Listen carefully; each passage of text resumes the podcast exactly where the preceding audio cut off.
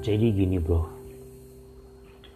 Gue tuh sebenarnya baru tahu podcast itu akhir-akhir ini sih.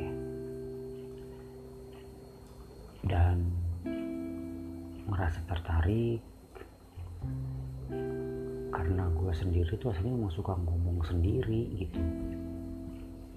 Tapi tahu gak sih berpuluh-puluh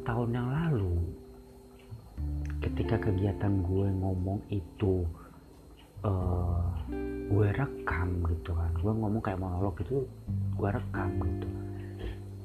Gue nggak tahu waktu itu tuh ternyata kegiatan kayak gitu tuh namanya podcast gitu loh.